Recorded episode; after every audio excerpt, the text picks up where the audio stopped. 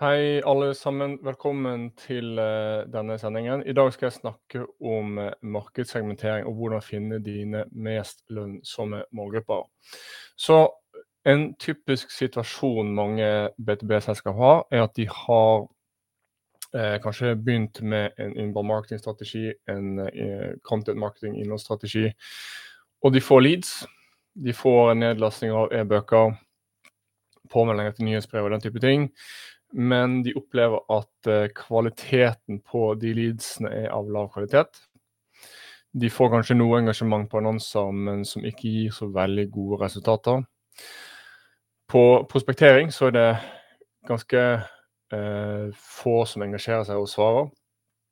Du betaler kanskje veldig høy kostnad per lead. Og hvis du opplever noen av disse problemene, så kan noe så enkelt eller mer rettere sagt simpelt som markedssegmentering være en stor del av løsningen.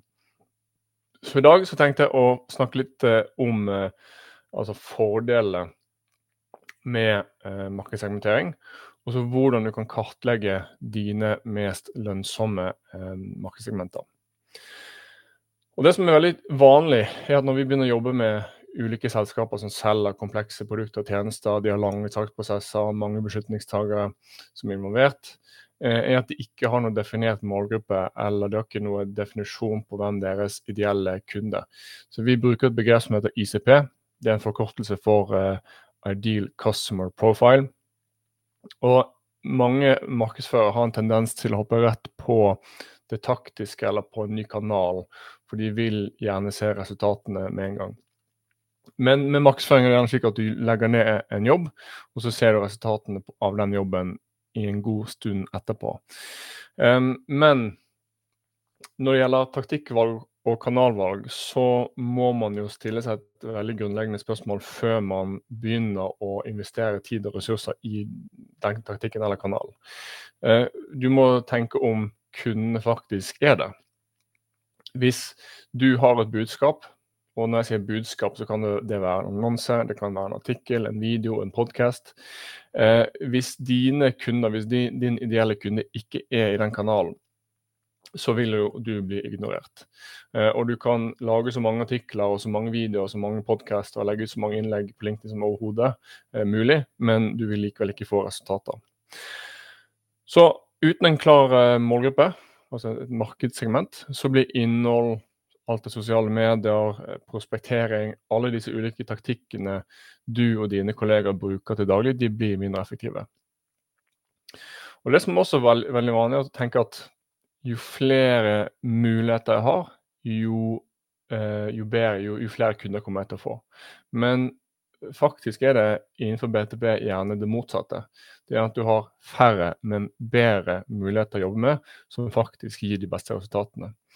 Og da er markedssegmentering en av de mest grunnleggende tingene du må gjøre for å kartlegge og finne den målgruppen. Og det vil også gi deg eh, en rekke fordeler og bedre resultater. Så først, bare for å gå inn liksom på hva markedssegmentering er. I si, Den enkleste forklaringen vil være at du fokuserer på de selskapene som både er enklest å selge til, men også som er de mest lønnsomme. Så markedssegmentering det handler om å finne fellestrekk eh, mellom dine beste kunder. Og Det kan være fellestrekk når det kommer til altså, firmografisk, eller demografisk, for å si det på godt norsk. Og Det kan være altså antall ansatte, lokasjon og den type ting. Det kan være behovet, at du har kanskje selskaper som, har, eh, som holder til stede i ulike ulike uh, bransjer, men de har et veldig likt behov. Uh, det kan også være teknologi, at de bruker mye teknologi. Så for meg ville det vært at det er kanskje markedsavdelinger og salgsavdelinger som er innenfor BTB, som bruker HubSpot CRM, kunne vært en start på å segmentere et marked for Nettly. Det kan også være at man har kunder, du jobber kun mot kunder som har eh, tjenester, eh, apper utviklet på Asher eller på, som hostes på AVS. Eh, det kan være en rekke ulike ting som eh, gjør at teknologien er på et segmenteringskriterium. Og grunnen til at du vil markedssegmentere, er fordi at det gir ikke mening å behandle alle selskaper likt. Eh, det er fordi at når du analyserer din kundebase, så vil du se at det er kanskje 7% av de kundene som står for 80 av omsetningen. Så det er veldig vanlig at det er én, eller kanskje ikke én, men flere kunder som står for veldig mye av omsetningen din. Og, og, samtidig så kan det være at du, du vet at ok, disse selskapene her, de er langt enklere for meg eller oss å selge til. De er langt mer lønnsomme, så vi bruker kanskje like mye tid på hver de ulike bransjene og vertikale som vi selger til. Men denne ene eh, type kunder, de er langt mer lønnsomme. Vi bruker like mye tid eller mindre tid, men vi tjener mye mer penger på det, f.eks. Um, det kan også være at det er kortere saksprosesser. Um, og så er det noen segmenter som er i eh, vekst, og andre krympende. Så muligheten kan være altså muligheten for deg og ditt selskap uh, har det langt større fremtidige vekstmuligheter enn i andre bransjer. Hvis du tenker på BTC, altså et veldig godt eksempel på et BTC-eksempel som gjør markedssegmentering ekstremt bra, sånn som Netflix. Netflix de klarer i praksis å ha eh, millioner av enkeltsegmenter i form av at vi har individer. Hver bruker får personaliserte anbefalinger for hvilke serier og filmer vi skal se på. Og For mange BTB-selskaper så prinsippet er det samme. Altså Du trenger kanskje bare noen få hundre selskaper eller noen få tusen selskaper som, eh, for at din bedrift skal vokse mye. Eh, og du trenger bare noen få til å, å kjøpe. og det er Eh, en mindre andel av de igjen som gjerne vil stå for en stor del av den omsetningen. Så det er hva markedssegmentering er for noe. Altså fokusere på de selskapene som er enklest å selge til og mest lønnsomme. Fordeler. Så eh, når du segmenterer ditt marked i mindre grupper som har disse ulike fellestrekkene, eh, da vil du se en rekke fordeler. Så det første er at du forstår akkurat hvilke selskaper som er de mest lønnsomme og enklest for deg å selge til. Og Konsekvensen av det er at du reduserer risiko og øker treffsikkerheten på markedsføringen din.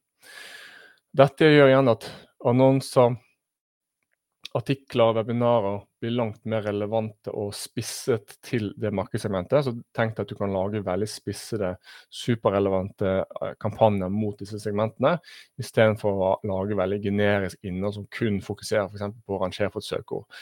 Eh, og du ønsker å lage innhold som kanskje ikke eh, treffer alle, men som er superrelevant for noen få. Og Da blir engasjementet høyere, du får mer trafikk, du får bedre resultater fra Eh, all, all, den tiden og ressursen du bruker på å produsere innhold. En annen fordel med markedssegmentering er at det blir veldig klart både for salgsavdelingen og markedsavdelingen, og for så vidt kundeservice, men la oss bare fokusere på salg og, og, og, og skaffe nye kunder nå. Det er langt enklere å forstå eh, hvilke selskaper man selger til, og samarbeidet mellom de to ulike avdelingene blir eh, langt bedre. For da ser man på ok, dette er selskapene som vi ønsker å tiltrekke, vinne og beholde. Og da blir jo egentlig det å måle suksess veldig enkelt. For det blir å se på ok, får vi henvendelser fra disse la oss si at det er 500 selskaper. Får vi, disse, uh, får vi henvendelser fra disse 500 selskapene innenfor uh, IT-bransjen f.eks., uh, og konvertere de til salg i høy grad. Så det blir ganske sånn eh, svart på hvitt eh, og enkelt å, for, å, forstå om markedsføringsprosessene og salgsprosessene fungerer. Og du kan også utvide det til eh, kundeservice eller det å, å, å drive mersalg.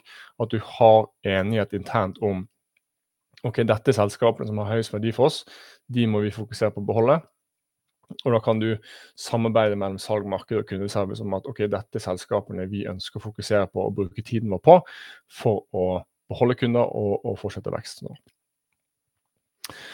Og så du Det blir enklere for deg å forstå eh, eh, hva som er de riktige type kundene. Og du vinner, flere, du vinner flere av de riktige kundene. Og når du vinner flere av de riktige kundene, så vil du også få flere fornøyde kunder som blir hos deg over lengre tid, og som også vil anbefale deg i, i langt større grad enn om du tar på deg dårlige kunder som ikke egentlig er en 100% god match for produktet eller tjenesten, og som kanskje vil være litt negativ når de snakker om, om deg til andre. Og En utvidelse av det vil være at du kommer til å få en veldig god base med kundehistorier innenfor det segmentet. Så hvis du har en lang lang historie eller historikk på eh, å ha levert til bank og finans f.eks., eh, så vil det gjøre innsalget til nye selskaper innenfor bank og finans langt enklere. Um, og dette vil bare være en av de kraftigste salgsverktøyene du kan bruke eh, over tid. Så klart det tar litt tid å bygge seg opp, men du må jo først velge hvilke segmenter du skal gå etter. Og så vil du over tid kunne bygge opp en, en historikk og en base med kundehistorier som hjelper å gjøre salget enklere over tid. Du kan også begynne å betale mer for å skaffe en kunde. Men grunnen til det er at fordi at du snevrer inn markedsføringen din. Så for å ta et eksempel. Eh, hvis sånn vi bruker HubSpot, og vi laster opp disse 500 selskapene til eh, HubSpot CRM. Vi synker disse 500 selskapene opp mot LinkedIn, og vi kjører mye målrettet annonsering. Så den totale annonsekostnaden blir kanskje langt lavere eh, enn, om du, om, enn, om du, hadde annonsert litt mer eh, bredt og generisk. Eh, så den totale markedsføringskostnaden eller annonsekostnaden i denne, denne, situasjonen blir lavere, men du kan betale mer for å skaffe hver enkelt kunde. Eh, både fordi at den kunne er mer verdt, men også fordi at eh, du har et mer snevert mål. Det er også mye enklere å forklare akkurat hva du gjør, for hvem, og hvilken verdi disse kundene får av produktet eller tjenesten din. Du kan også bruke litt mer stammespråk, du kan ha litt mer spisset nettside. Slik at når folk kommer inn på nettsiden sin, så forstår de at ok, dette gjelder faktisk meg. Dette er akkurat noe som er innenfor eh, si, eh, mine problemstillinger. Her er det et produkt som er laget eh, for meg. Og Det er egentlig det folk bryr seg om. De, de, de bryr seg om hva du kan gjøre for, de, for, eh, for de. Det er også en fin måte for deg å ekskludere selskaper. Så hvis du vet at det er selskaper som er en dårlig match, så du har sikkert snakket med selskaper som du har erfaring med, som, som du vet at disse vil aldri ha noe særlig verdi av våre produkter og tjenester. Da kan du også ekskludere de igjen fra f.eks. annonser, nyhetsbrev, prospektering og den type ting. Når du gjør markedssegmentering, en av de tingene som er steget etter markedssegmenteringen, det er at du bør intervjue noen av dine beste kunder innenfor den, eh, det markedssegmentet.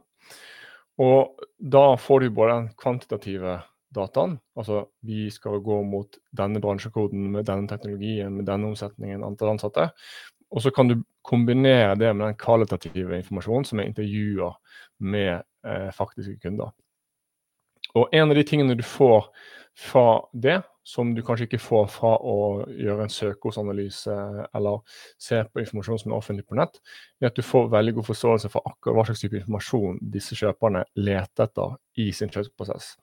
Så du kan enklere lage og litt tilbake til et tidligere punkt, at du kan lage mer spisset innhold eh, når du skal produsere en artikkel, webinar osv. Og, og til slutt, du kan enkelt rangere hvilke selskaper som er mest verdifulle, slik at dine selger kan bruke sin tid mer effektivt. Igjen tilbake til 80-20-prinsippet. Du bruker tid på de um, ehm, 7 eh, av selskapene som står for 80 av omsetningen. Så det er hva markedssegmentering er, og hvorfor det er viktig. Men da skal vi se på hvordan du gjør det. Så prosessen med å markedssegmentere den er ganske simpel, men det krever at du går gjennom en del data i ditt CRM-system. Så det første steget det er at du eksporterer dine kunder og potensielle kunder fra ditt CRM-system.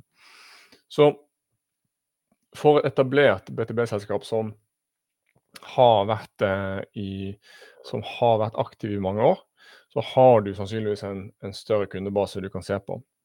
Så Det du gjør først, er at du ser på eksisterende kundebaser. Du ser på disse potensielle avtalene. Hva har du vunnet, hva har du tapt? Og så kan du eksportere disse i et uh, regneark, f.eks. Og det du gjør uh, med disse, er at i steg to at du begynner å sortere dem. Og da kan du begynne å sortere på bransje. Hvis du kan se på bransjekoden, så hvis du går på Proff eller eh, en lignende bedriftsdatabase, så kan du se på det som kalles for eh, NACE, eh, NACE bransjekode. Eh, du kan se på størrelse. Det kan både være antall ansatte, det kan være omsetning. Og Det som er kanskje enkleste, er å se på hvilke kunder har vi omsatt mest på. Eh, og Deretter kan du da legge til bransjekode, lokasjon, ansatte. Og Dette er en sånn grov sortering av de ulike markedssegmentene. Så ser du kanskje at oh ja, det er IT-selskaper som, som, generelt har høyest omsetning på. Eh, vi har veldig lav omsetning på regnskapskontorer, f.eks. Så det du gjør etter du har gjort den grovsorteringen, er at du ser på eh, hva som gjør at de ulike markedssegmentene eh, hva, hva, hva, gjør, hva, er det som gjør at de kjøper? Så Du gir hvert segment et, et navn. La, la, oss ta IT, bank og finans, regnskapskontorer, eh, eh, konsulenthus. Bare gi det et navn som passer eh, for din bedrift. Og så vil du begynne å se på hvorfor de kjøper av deg. Og Da kan du gjerne se på, legge inn litt som forklaring på hva som gjør de enkle å selge til, hva som gjør de vanskelig å selge eh, til. Det kan være f.eks. at noen av disse selskapene er private, det er færre beslutningstagere, det er kortere saksprosesser, mens andre av disse selskapene det er offentlige selskaper, kommunale eh, selskaper, eh, der det er mange beslutningstagere, det er anbud, og det er veldig prissensitivt. Du kan se på om det er noen av disse bransjene som du vet er i vekst, det er andre som, som krymper. Og så må du bare kategorisere disse eh, eh, basert på disse ulike segmentene. Da bør du ha mellom to til syv segmenter, typisk eh, avhengig av hvor stor kundebase du har. Og Det er nå denne ordentlige markedssegmenteringen begynner, i steg fire. Du skal nå begynne å rangere de ulike markedssegmentene med det vi kaller for standardkriterier. Dette er ikke noe jeg har funnet på, men det er en sånn scoringmodell som vi bruker for å prioritere hvilke selskaper vi skal fokusere på. For La oss si du skal begynne å jobbe med eh, Du skal satse mer på innhold og produsere mye informasjon eh, som skal være på nettsider og sosiale medier og den type ting. Så har du kanskje ikke ressurser til å prioritere mange ulike segmenter på en gang, så du må velge hva du skal prioritere først. Så Denne modellen den funker slik at du ser på alle ulike selskapene, alle ulike segmentene. Og Så har vi en rekke standardkriterier jeg skal gå gjennom straks, der du gir de poeng. Der null er dårligst og tre er best. Eh, så jeg kan gå gjennom noen av de kriteriene. Så Det første vil være konkurranse. Så i dette tilfellet tre poeng. Da er konkurransen veldig svak og veldig lav. Så kanskje du er en helt ny aktør i markedet. Det er ingen som har en løsning som din. Eh, det er ingen sterke konkurrenter. Mens hvis det er eh, lav konkurranse, men det er kanskje én eller to konkurrenter i markedet, så vil du gitt eh, det segmentet to poeng. Eh, du vil gitt segmentet ett poeng hvis det er middels, så det er kanskje flere enn to sterke konkurrenter. Og så er det null poeng hvis du har en ekstremt sterk konkurranse i, i, i det markedssegmentet, og de har en eksisterende De, de har spist opp mye av markedsandeler allerede. Annen, eh, et annet kriterium kan være størrelsen på markedet. Så da vil jo en høy score bety at du har et stort potensielt marked å gå etter. At det er mange selskaper som oppfyller dine kriterier. Så hvis det er tusenvis av selskaper så, og du går etter et kjempestort marked, eh, så vil det være tre poeng. Mens hvis det er et ekstremt lavt antall selskaper, at det bare kanskje noen titalls eller noen få hundre. Dette må være avhengig av eh, størrelsen på produktet eller tjenesten du selger. Eh, eller at det, eh, I dette segmentet så blir ofte det lagt ut på anbud. Da ville det kanskje vært null poeng eller ett poeng. Et annet kriterium, livssyklus, altså hvor lenge er disse kunder, og hvor mange transaksjoner skjer i løpet av det samarbeidet. Så hvis du har en veldig lang livssyklus med høyt antall transaksjoner, så ville det vært tre poeng. Mens null poeng ville vært at det kanskje bare er én avtale, at det er bare et enkelt prosjekt, eh, og så er ikke det noe mer eh, flere transaksjoner enn det, og det er en veldig kort, eh, kort samarbeidsperiode.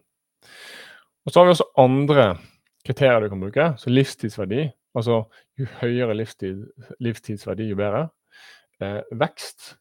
Jo raskere segmentet vokser, jo mer lovende segmenter. Så du kjøpekraft. Så hvis segmentet har veldig høy kjøpekraft, der pris kanskje ikke er så avgjørende, eh, og det er færre personer som, eh, som, skal være med og beslutte, så kan det da være en høy score. Men hvis segmentet har veldig lav kjøpekraft, og pris er veldig avgjørende, så vil det vært en lav score. En annen eh, faktor, eller kriterium, det er viralitet. Og det betyr om kunden er villig til å stå som referanse og kundehistorier. Det er ikke snakk om å, å, gå viralt nødvendigvis, eller kanskje gå viralt på en liten skala innenfor et visst segment. Så f.eks. vi har jobbet innenfor bank og compliance, og der er det ikke aktuelt for, et, eh, for en bank å gå ut med en kundehistorie om et problem de har løst eh, relatert til compliance f.eks. Eh, det er noe som de ikke ønsker å dele. Eh, det kan være selskaper som er børsnotert, og de ønsker ikke å gå ut med problemer som de har hatt i sitt selskap, som denne, la oss si at eh, ditt produkt har bidratt til å løse. Så i de tilfellene så vil jo det, segmentet ha lav viralitet, for de er ikke villige til å stå eh, som referanse eller kundehistorier. Men hvis det er enkelt å intervjue, og folk er villige til å bidra til kundehistorier, de, de, de er villige til å ha en eh, video eller en artikkel skrevet om dem, eh, så vil det ha høy viralitet. Så er det erfaring. Har du historikk, har du tidligere kundehistorie, eh, eh, kundehistorie innen dette markedssegmentet, som jeg var inne på i sted, jo mer erfaring du har, jo enklere, enklere er det ofte å selge inn til lignende selskaper. Så er det tilgjengelighet. Eh, hvor enkelt er det å komme i kontakt med beslutningstagere? Kan du bare søke deg opp på LinkedIn og knytte kontakt der, eller sende inn e-post? Eller er det slik at de du prøver å få tak i, de har kanskje noen interne arbeidstitler som ikke du vet hva er for noe, og som er veldig vanskelig å målrette. Hvis det, hvis det er lav tilgjengelighet, så er det markedssegmentet mindre lovende. Så det er lønnsomhet. Jo lavere lønnsomhet eh, segmentet har, jo mindre lovende er det. Eh, du vil helst at det skal være høy, eh, høy, margin, og at det koster lite å skaffe en kunde. Eh, men hvis det er eh, dyrt å skaffe en kunde, og det er eh, lav margin, eh, så er det mindre lovende. Så det er da én form for segmentering, og dette må du kombinere med ustandardiserte kriterier.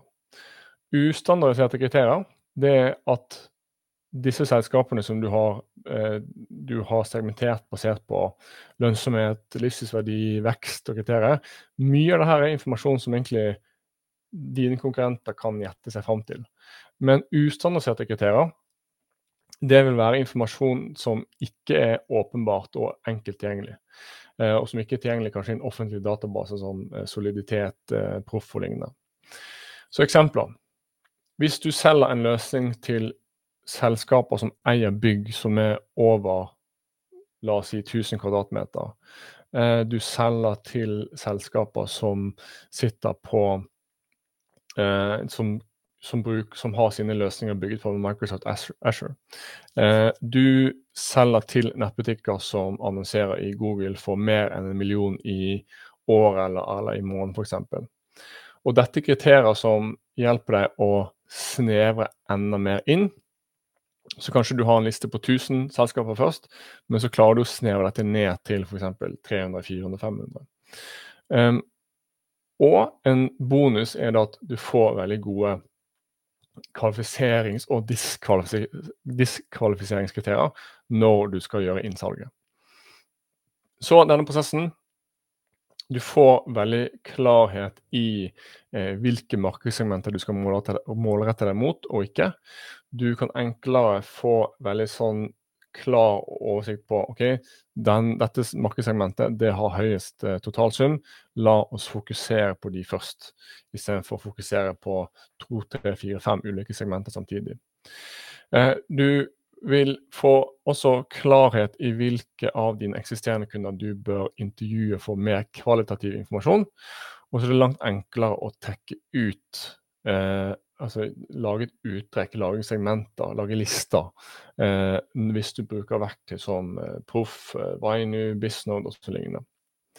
Så det er egentlig markedssegmentering. Det er en ganske simpel prosess, men veldig veldig viktig for BTB-selskaper å gjennomføre. Så bare for å oppsummere. Ta og se på din eksisterende kundebase i CRM-systemet ditt, hvis du har et CRM-system. Eksporter avtaler som du har vunnet. Eh, sorter de først på omsetning. Se på hvilke segmenter som har gitt deg mest omsetning totalt. Og så kan du begynne å sortere på bransje, størrelse, antall ansatte. Um, se på bransjekoden deres. Og så kategoriserer du og, og si, grovsorterer disse segmentene inn i ulike markedssegmenter som du navngir. Eh, igjen eksempler. Olje og gass, eh, private eiendomsselskaper, eh, regnskapskontorer, IT-selskaper Software as a Service for BTB. Um, deretter så rangerer du disse selskapene, eh, beklager, eh, markedssegmentene, fra 0 til 3, der 3 er best. Og Da ser du på totalsummen. Hvem har den høyeste totalsummen? Og da vil det være de segmentene du bør eh, eh, prioritere. Og Så legger du på ustandardiserte kriterier i tillegg. Hva er det, hva er det som fellestrekk som ikke er åpenbare bare ved å se på nettsiden eller se på en bedriftsdatabase, eh, som du kan legge til, som er da eh, gode kvalifiseringskriterier eller diskvalifiseringskriterier. Så hvis du ikke får gode resultater fra markedsføringen din nå, så gå noen få steg tilbake og vurder om du faktisk markedsfører til riktig type selskaper. Og tenk på det at faktisk kan færre muligheter gi deg bedre eh, resultater. Altså Istedenfor at du er lite produktiv og jobber mot 1000 selskaper og får veldig lav åpningsrate, lav klikkrate, du får lav respons på prospekteringsmail, eh, så kan du snevre inn til la oss si at det blir halvparten, at du har 500 selskaper. Men engasjementet hos de 500 selskapene er langt høyere. Så sluttresultatet er at du får flere møter, eh, flere kartleggingsmøter, flere eh, saksprestasjoner og flere kunder. Eh, og så bruker du mindre på å skaffe deg kunder i tillegg. Eh, så det var alt jeg hadde eh, for i dag. Neste sending det vil være om hvordan du kan markedsføre mot strategisk viktige selskaper. Eller som vi sier på engelsk, det er account-based marketing i HubSpot. Så jeg kommer til å gå igjennom hvordan du kan etter at du har valgt dine markedssegmenter, så skal jeg komme til å gå gjennom hvordan du markedsfører mot disse selskapene ved hjelp av HubSpot CRM-plattformen. Så hvis du ønsker å melde på det, så kan du melde på eh, for det onsdag eh, 9.11. klokken 11. Så håper jeg at eh, vi ses der.